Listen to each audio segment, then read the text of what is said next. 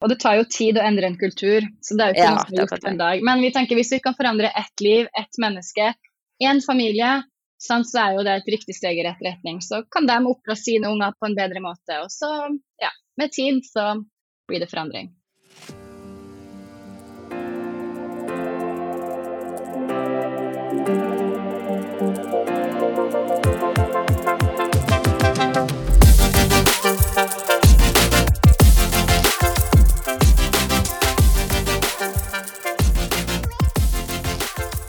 Da eh, er vi i gang, og jeg ønsker alle hjertelig velkommen til Mammas hjerte-podkast. I dag så har vi med oss Linda helt fra andre siden av jordkloden, der i de varmere strøk. Eh, hei, Linda.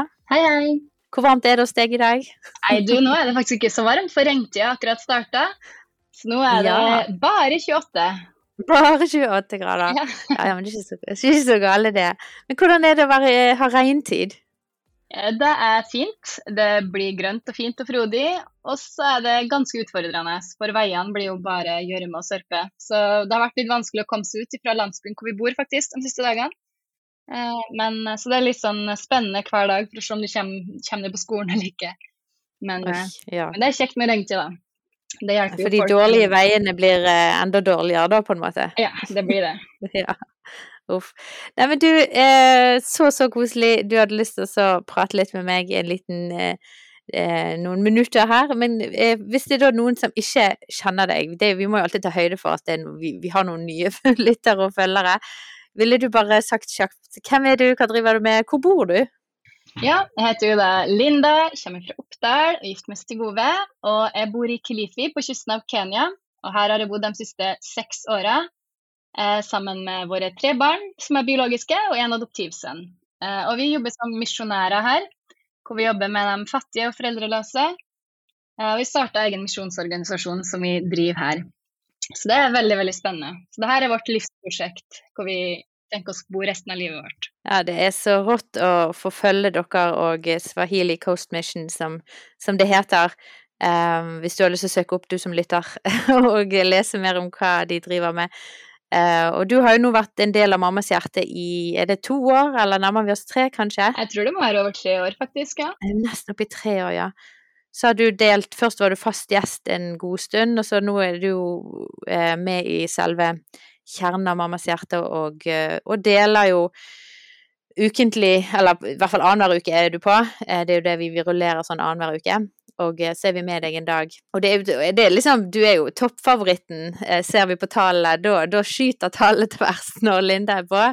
Da er det, sitter folk klistret og har lyst til å få med seg. Eh, Får du mye respons når du har Snap-dager? Ja, jeg får en god del respons, så det er jo veldig artig. Det er jo mange som syns det er utrolig inspirerende å se noe annet enn et norsk A4-liv, selvfølgelig, og folk som tør å følge drømmene sine og gjøre noe som er litt annerledes. Så det er jo veldig artig å høre. Veldig mange som syns det er spennende å høre om andre kulturer og hvordan andre folk har det. Og, og bare den måten dere har, gitt alt, har solgt og flyttet og, og lever for noe helt annet enn kanskje det mange her hjemme gjør, da. Så synes, og så er det jo noe med det at vi kan òg, når vi kobler med deg og følger deg og ser det du gjør, gjerne er med og støtter både i bønn og med litt penger, det er jo folk som har blitt faste partnere med, på grunn av at du har vært og vi har jo vært promosert, og vi har samlet inn til Vasi sitt hus og til bil og sånne ting. Og da, da, da føler jo vi at vi som sitter her, får lov å være en del ut av det som dere gjør der nede. Og det er jo veldig stas, altså. Mm, det er jo kjempeflott. Det syns jeg er fantastisk. Og det er det jeg syns er så fint når folk på en måte føler eierskap til arbeidet vårt, at det her er noe vi gjør i lag. For det er viktig for meg at folk forstår at arbeidet vi gjør her, eh, det er jo bare én del av misjonsbefalinga som vi gjør her, men det er jo dere som sitter i Norge som gjør det her mulig for oss. Eh, Og hadde det ikke vært for alle dem i Norge og rundt om i verden som både ber for oss og støtter oss økonomisk, så hadde vi jo aldri kunnet gjort det vi gjør. Så det er på en måte, det er ikke bare vi som gjør det, vi er kanskje hendene og føttene, men det, dere er kroppen og dem som gjør det her mulig for oss. Så det er vi utrolig takknemlige for. Så det er veldig spennende når folk føler eierskap til dem. Det er noe vi gjør i lag.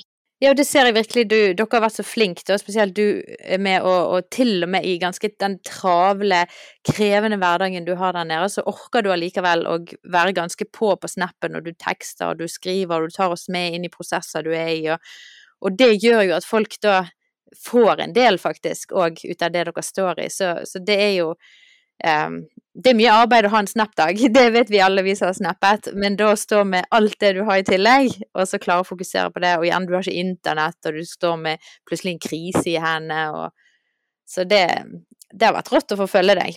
Jo, takk for det. Ja, det er utrolig takknemlig for å være en del av Mammas hjertegjengen. Det er kjempegøy. Stas. Veldig, veldig, veldig stas.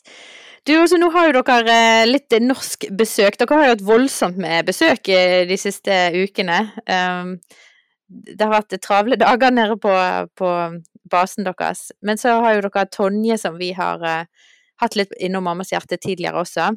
Pluss noen venn, nære venner av uh, meg og en del her, folk her i Bergen som heter Eimund og Cassie, for dere som kjenner de. Hvordan går det å, var det å få litt eh, norsk backing og støtte ned på den måten? Jo, det har jo vært utrolig utrolig artig. Eh, gikk jo fra i desember å bo her bare jeg og min familie, Eh, til å plutselig i januar så får vi familien Fjellvang og familien Skjære. Eh, og I tillegg til det så fikk vi YWAM-team, ungdom i oppdrag-team fra Grimerud, som kom ti ny stykk, som er i ti uker. Eh, så det ble utrolig mange nordmenn og vestlige på én gang. så selvfølgelig, det har jo vært en overgang, men det har vært kjempe, kjempefint. Og det å ha Skjære og Fjellvang-familien her har jo vært en enorm velsignelse for oss. Som har sagt det veldig tydelig at de hovedsakelig er ett år for å hjelpe oss og gjøre det lettere for oss å stå i det arbeidet vi gjør, og eh, vokse på forskjellige måter. Så det er en enorm velsignelse.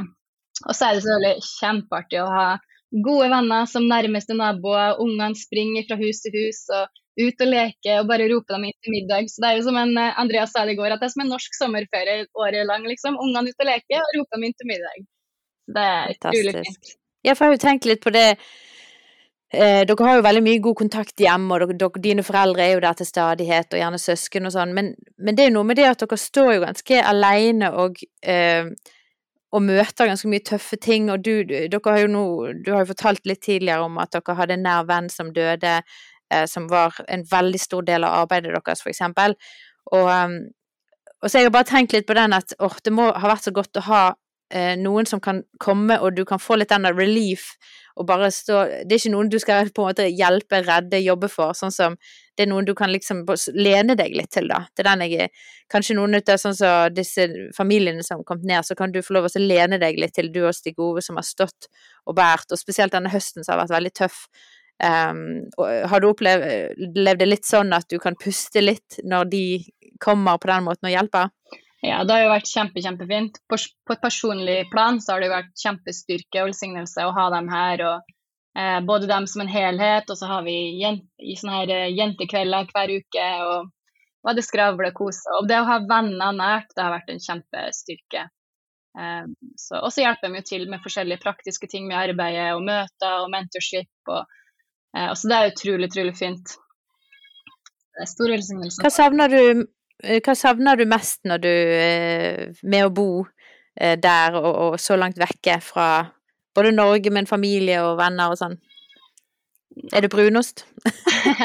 ja, det brukte å være brunost, men nå har vi så regelmessig besøk at jeg har egentlig alltid brunost i kjøleskapet. det kommer brunost og sjokolade, ja. ja, det kommer regelmessig forsyninger.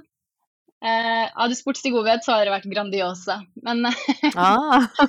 men med meg så er det Nei, egentlig så har jeg ikke så store cravings på noe sånn her mat eller sånne ting.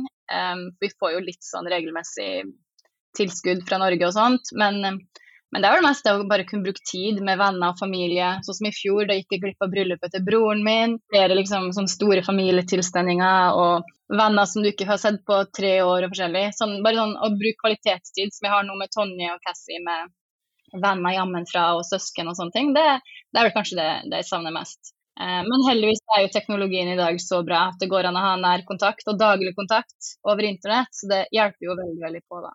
Ja, så, så bra, altså. Og da står man ikke så alene som før. Tenk før, når man reiste og ikke man hadde internett, og så så man, hørte man ikke fra folk på månedsvis, gjerne årsvis, sant, og så det, noe, det, er jo noe helt annet, det. Ja, det er jo helt annet. Og når man hører historiene om dem som hadde med seg kista når man reiste på Misjonsmarka for vi ja, aldri tilbake, sant? Det, det, var jo helt andre tider.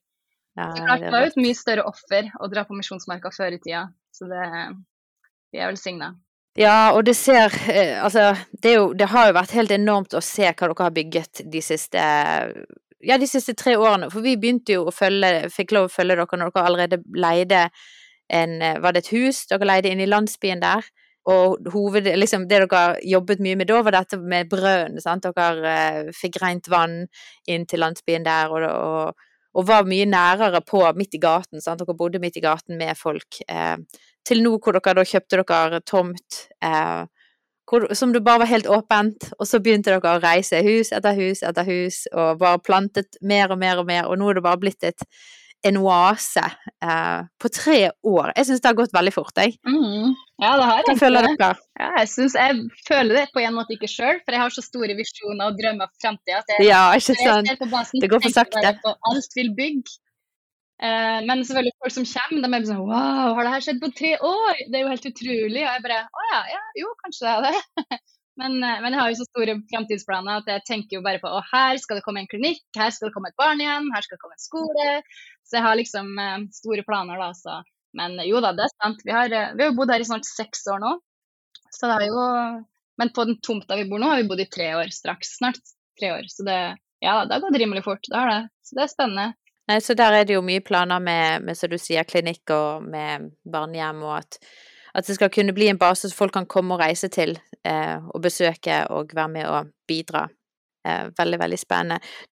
For å bare skifte litt tematikk, for vi har lyst til å begynne en liten serie nå. Jeg, jeg, har jo drevet på med sånne serier nå i vinter og i vår, eh, hvor jeg ønsker å dykke inn i tematikk over litt flere episoder og snakke med litt flere perspektiv rundt forskjellige ting. Og nå eh, nå fikk vi faktisk ifra en lytter, så var det en som var interessert i dette her, for vi snakket om oppdragelseskultur, eh, familiekultur, hvilken kultur skaper vi hjemme, og sånne ting.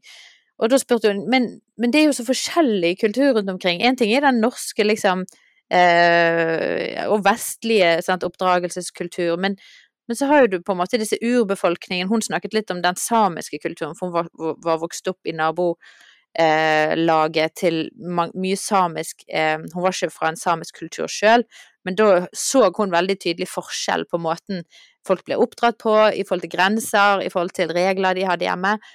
Eh, og så lurte jeg på aha, du, det hadde vært grådig interessant å høre litt sånn ut ifra de forskjellige landene vi gjerne har kontakt med. Er, hva er de store forskjellene? Hva er liksom Sånn som når du, du, har vært der, du har jo oppdratt dine tre barn basically ute i misjonsfeltet. Født og oppdratt. Eh, og ser du noe som eh, La oss si er de største Hva er de største forskjellene på måten et norsk barn blir eh, oppdratt på, og et eh, barn fra Kenya blir oppdratt på? Um, det er et stort spørsmål, men, men, men hva, hva, føler du ligger i øverste, liksom? Hvor ville du begynt? Eh, er det dette med at eh, jeg, jeg, tenker litt sånn på type ansvar, at et barn eh, som bor der, ville gjerne fått mye mer ansvar mye tidligere og måtte bidra til å hente vann, til å lage mat, til å forsørge. Er det en ting som du ser for eksempel er forskjell på? Ja, åh, det, det, var virkelig et stort stort spørsmål som jeg kunne snakka timevis om. Eh, for det er et tema som engasjerer meg veldig masse. Og når vi jobber ja. med eh, For vi, når vi fokuserer veldig på arbeidet vårt, er at vi skal ikke lære dem norsk kultur, ikke på en måte eh, fjerne helt kenyansk kultur, men prøve å finne bibelsk kultur og hva som er det rette eh, og sånne ting. da. Eh, så det er noe vi fokuserer veldig på. Så det er utrolig mange ting som jeg ser ved kulturen her som er kjempeannerledes. Eh, og ja, det med ansvar det er definitivt en veldig stor ting. Eh, men det er faktisk ikke det jeg ville ha sagt eh, øverst på lista, eller sagt først. Største forskjellen er at måten de gjør familiekultur på her, er null kommunikasjon. Det er ingenting som heter hjertekontakt eller connection med ungene dine, eller ja, kommunikasjon, grensesetting. Altså sånne ting. Det er helt, helt fjernt for dem. Det å løse en konflikt, snakke ut om problem, det er helt fjernt for folk. Eh, selvfølgelig, Nå er jo ikke det her eh, generelt for alle i Kenya, eller sånt, men i den kulturen hvor vi bor, som er en veldig liten landsby eh, i en islamsk part, eh, del av kysten av Kenya, så er det sånn kulturen er akkurat her. Hvor folk flest er analfabeter. De har lært veldig lite om utviklingen av hjernen, utvikling av unger og sånne ting, det kan de ingenting om. Eh, så det, det, er veldig lite verdi for å inkludere ungene dine i ting, eller kommunisere med dem, ha forståelse. Eh, det er veldig mye vold som blir brukt som oppdragelsesmetode. Eh, og hvis en unge gjør noe han ikke har lov til, så blir han slått. Og så blir han stengt inn på rommet. Og det er ingen forklaring, det er ingen snakking om vet du hvorfor du, mamma gjorde det her, eller forsto du hva du gjorde galt? Og det er ingen kommunikasjon. Det er bare smekk og utestengelse. Um, som gjør at utrolig mange unger de vokser opp uh, med frykt for foreldrene sine og frykt for å gjøre feil. Som, som skaper ganske mange problemer når de da uh, både kommer på skole og kommer opp i tenåringsåra og til og med i voksenlivet. At folk er livredd for å gjøre feil, for de er så redd for å bli straffa. Um, så ja, det er én ting som er et veldig stort problem. Uh, det med, med, mangel på kommunikasjon og fysisk vold.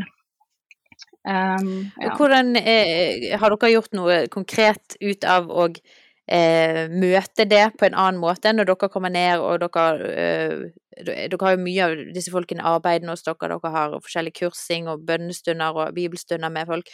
Er det noe som som da dere har snakka litt om og liksom har begynt å, å, åpne opp fordi at eh, hei du, det er kanskje lurt å Eller eh, hvordan håndterer dere det når dere bor der? Ja, vi har jo snakka masse, masse med dem om det.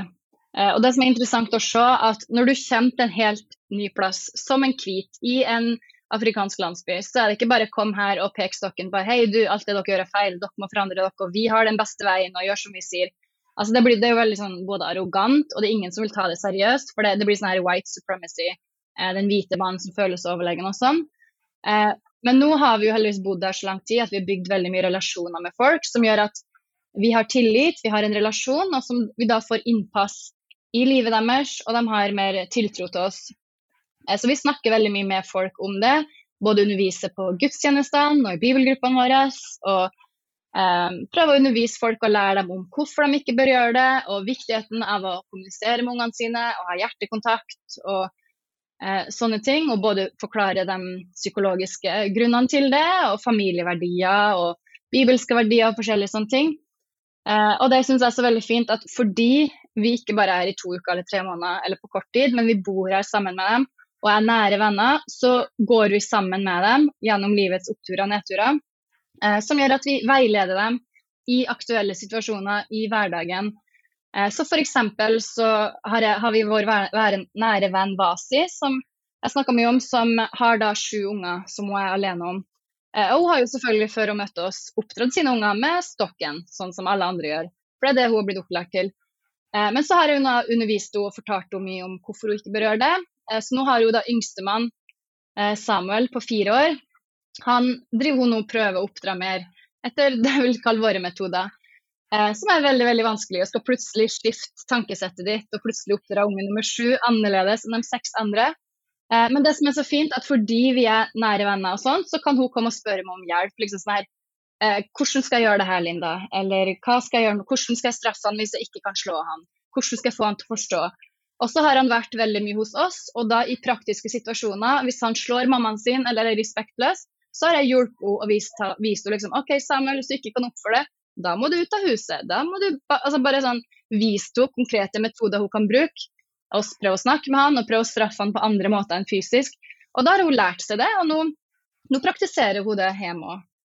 Eh, så da har hun liksom, gjennom at jeg har vist henne det, så har hun lært seg andre praktiske metoder som nå begynner å fungere bra på hennes fireåring. Nei, fantastisk, altså. Og det er jo Ja, nei. Det er å gå inn og så hjelpe å snu en hel um, en, en, måte, en, livsmåte å gjøre ting på, da, som du liksom sjøl er blitt oppdratt til. Du har allerede oppdratt seks unger, og så skal du Ja, det er jo helt enormt. Ja, det er jo ikke uh, enkelt, selvfølgelig. Og det tar jo tid å endre en kultur, så det er jo ikke ja, noe som er gjort på en dag. Men vi tenker hvis vi kan forandre ett liv, ett menneske, én familie, så er jo det et riktig steg i rett retning. Så kan de oppdra sine unger på en bedre måte. Og så, ja, med tid så blir det forandring. Jeg har du opplevd noen gang at eh, fordi de barna er jo små og de går mye inn og ut fra disse hjemmene og har nære venner eh, hit og dit, er det sånn at du har tenkt noen gang at du må beskytte de eller skjerme de eller lære de eh, hvordan på en måte folk gjerne gjør det litt eh, annerledes da enn en det som er ønskelig Eh, hvordan har du snakket med de i møte med eh, det som den kulturen som du forteller om her, da? Jeg og Stig Ove er kanskje litt annerledes enn mange andre eh, norske foreldre, tror jeg. på den måten at vi er veldig veldig åpne med våre unger. Eh, de har jo bodd her hele livet sitt, og de har vært vant med forskjellige kulturelle ting her. Og fra, fra begynnelsen så har de vært vant med å se folk som er alvorlig syke, unger som blir slått eller kjefta på, og forskjellige sånne her kulturelle ting som er helt absurd for oss. Eh, og vi har ikke skjerma dem fra det, men kommunisert med dem og forklart til dem og sagt at noen familier gjør ting som er annerledes. og ja, bare vært veldig åpen og ha mye regelmessig kommunikasjon med hva vi tror på, hva vi tror er best, og hvorfor vi gjør sånn som vi gjør. Det handler både med oppdragelseskultur, men òg f.eks. med eh, det med at du er kristen, men din beste venn er muslim. og liksom, De gjør det sånn, og vi gjør det sånn. og ja, De legger seg kanskje ikke før elleve om kvelden, men, men, dere skal legge dere tidlig. De pusser kanskje aldri tennene, ja, ja. men det skal dere. Så det er utrolig mange måter at vi er forskjellige. Så vi har bare vært veldig veldig tydelige med ungene våre hvorfor vi gjør det som vi gjør, og at de er annerledes, og at vi er som en familieboble. Og det er vår kultur i vår familie som er viktig å følge, ikke hva alle andre rundt oss gjør. Det er jo fantastisk læring i, tenker jo jeg da. Både å se så tett på annen kultur, men òg utøve eh, egen familiekultur og, og, snakke om forskjell og bli satt inn i det. Det er jo enorm læring i for barn, vil jeg tro. Ikke, ikke skånende, sant, men, men um, ja. Men stå med de gjennom de tingene. Det snakker vi òg mye om i forhold til ulike faser barn går gjennom. Ikke, man trenger ikke alltid å skåne de, um, men heller stå med de og forklare de hva ja. som skjer. Ja, det tror jeg er veldig, veldig lærer, lærerikt for dem. Men syns du, er det noe som er um, du vil si en mer positiv eh, kultur som vi kunne, som dere da ønsker kunne tenkt dere å lære ut av eh, de dere omgås, eh, som, som, de er bedre på enn oss, for å si det sånn. Det finnes jo helt sikkert mange ting som de ja. tar som er gode ting. Ja, klart, klart det er masse ting som er bra òg. Eh, og egentlig, kom tilbake til det du nevnte i begynnelsen, det med at de gjør mer arbeid. Eh, det er jo på en måte negativt, men samtidig så ser jeg på det som positivt òg. Eh, ja, de er jo mer ansvarsfulle, ja, de hjelper til mer med Ja, og i riktig balanse, da, kanskje. Ja, ja definitivt. Vi har jo, seks-sjuåringer som ikke kan gå på skole for dem å gå fem kilometer for å hente vann, og det er selvfølgelig ikke grei balanse. Men det å lære seg å være flinkere til å hjelpe til med oppvasken og lage mat og brette klær og eh, sånne ting, det, det, er jo veldig fint. Så det, vi, det, prøver vi å være flinkere og flinkere med. Ester har f.eks. Hun er nå ni, hun blir ti snart. Hun har én dag i uka som er hennes oppgave å vaske opp etter middagen. Um, og bare sånne her småting som vi ikke gjorde før, men som sier hallo, se på venninnene dine, se hvor mye de gjør.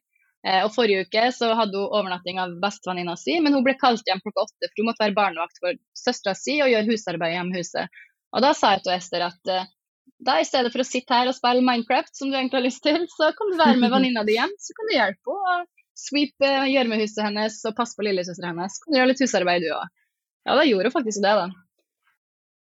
Nei, så fint. Og, og, og liksom fint at dere òg har de der eh, utfordringene som vi har, sant. At de vil jo heller eh, Det er lett å skjemme de litt bort, sant. Det er jo det vi vi er jo så velsignet, og vi er så rike, og vi, så, vi, vi har det så godt, og da er det så lett å skjemme bort òg, sant. Ja, eh, vi blir liksom ikke presset opp i et hjørne av at du er nødt til å, å jobbe 24 timers døgn fordi at du skal få ting til å gå rundt, og da må barna nødt til å ta mer ansvar sant, og passe, og de er nødt til å hente vann, for ellers er det ingen som henter vann den dagen. Altså, vi har jo, altså vi har jo mulighet til å skjerme barna vekk, sant. Og så det er jo da det blir vanskelig å gjerne sette den grensen sjøl, da. Mm, um, definitivt. Men, uh, men, å kunne se på det som en positiv ting, og, og den balansegangen, det er jo en veldig fin um, finne, Trekke ut det positive i det, i hvert fall. Mm, det er det.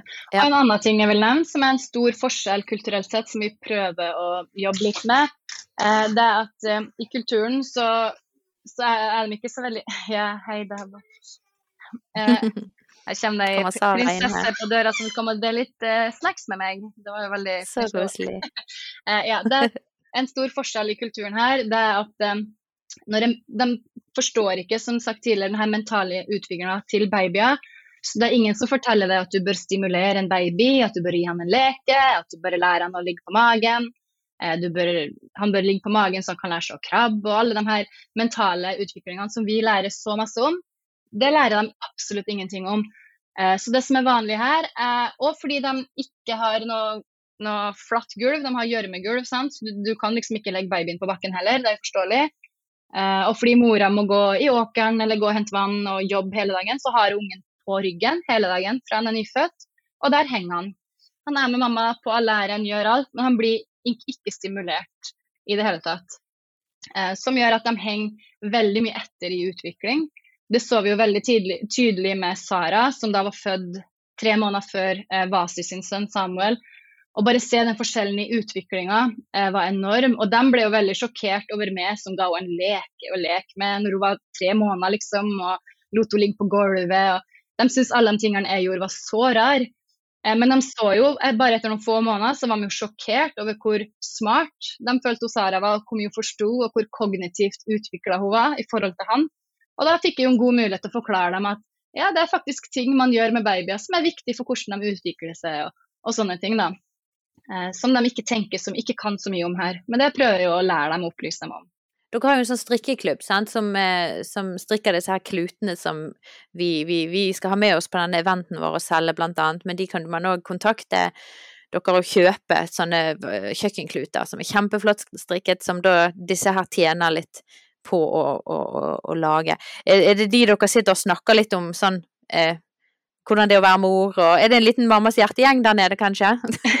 ja, man, man, kan egentlig kalle, kalle for det, ja. Uh, ja, det er både dem, og så er det Vi har en bibelgruppe i menigheten vår òg, med damer. Vi har både for damer og menn, og gutter og jenter. Så vi har for alle fire grupper.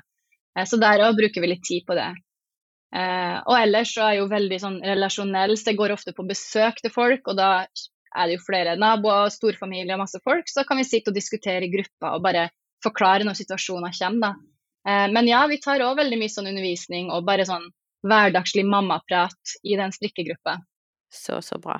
Eh, til slutt bare sånn eh, Ikke det at vi skal eh, rante masse om på en måte den eh, norske måten å gjøre ting på, men jeg hadde lyst, jeg hadde lyst til å bare til slutt spørre deg om når du har bodd så lenge der nede, og egentlig hatt ditt hovedmorskap der nede, eh, er det noe du, når du liksom vender blikket og du følger med hva vi driver på med her hjemme som eh, norske mødre, liksom, er det noe du klør deg litt i, hodet av av og til, og sånn nei, de styrer nå på der hjemme.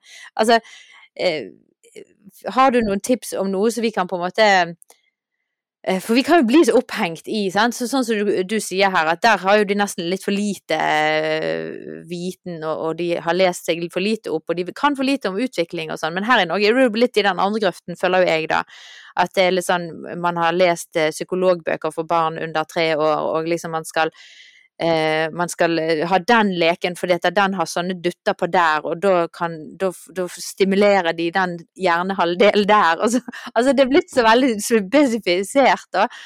Men, eh, men, jeg bare lurte på, liksom, når du har, ser litt sånn fra utsiden av eh, Har du tenkt noen gang over det, at det, det er noen ting som kanskje er litt sånn ja, jeg vet ikke. Nå, spør, nå tar jeg det bare litt sånn på Det spørsmål. Det, det er fare ja. for å fornærme mange folk som stiller spørsmål. Ja, men jeg har lyst til Kan ikke du fornærme oss litt nå? For jeg har lyst til å høre litt Hva, hva er det vi er litt på jordet på, da? For jeg, vi kan bli så i vår boble av at eh, vi må ha ditten datten, for ellers blir barnet mitt understimulert, f.eks. Men hør da på disse barna som henger på ryggen og ikke ser, får øyekontakt en hel dag. Sant? Og så her er vi sånn Å, vi kan ikke jeg bare hører at det er noe her hvor kanskje det hadde gått an å sette fingeren på at vi kan slappe litt mer av som mødre i Vesten, da.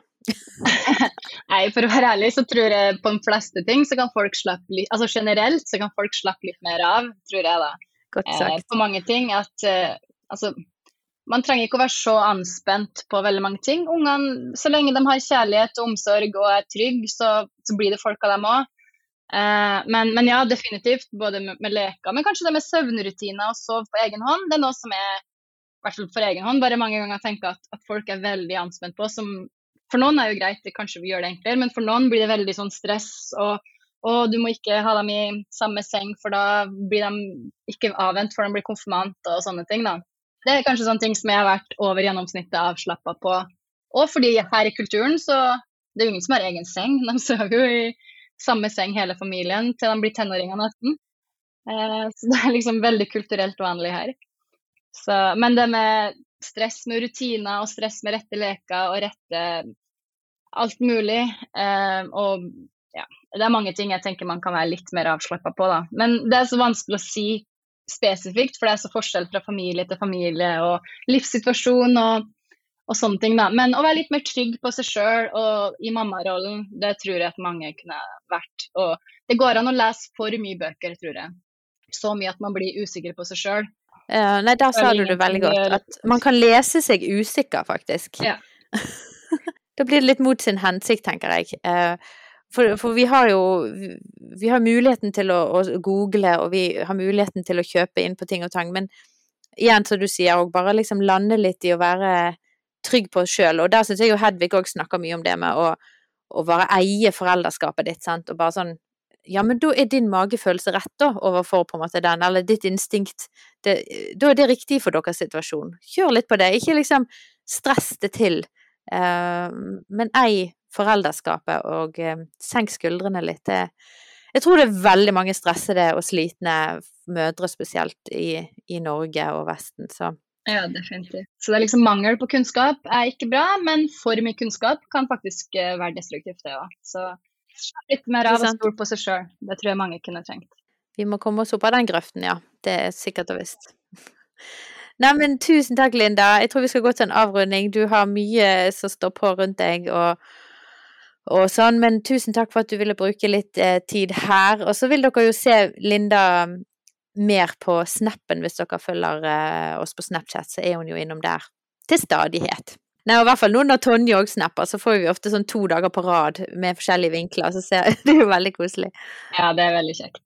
Nei, men da må dere ha lykke til med alt dere eh, driver med, og så uh, og så hører nok folk fra deg igjen i en ja, definitivt. annen ja. Mm. Ok. Takk for at du lyttet på. Så høres vi igjen. Ha det!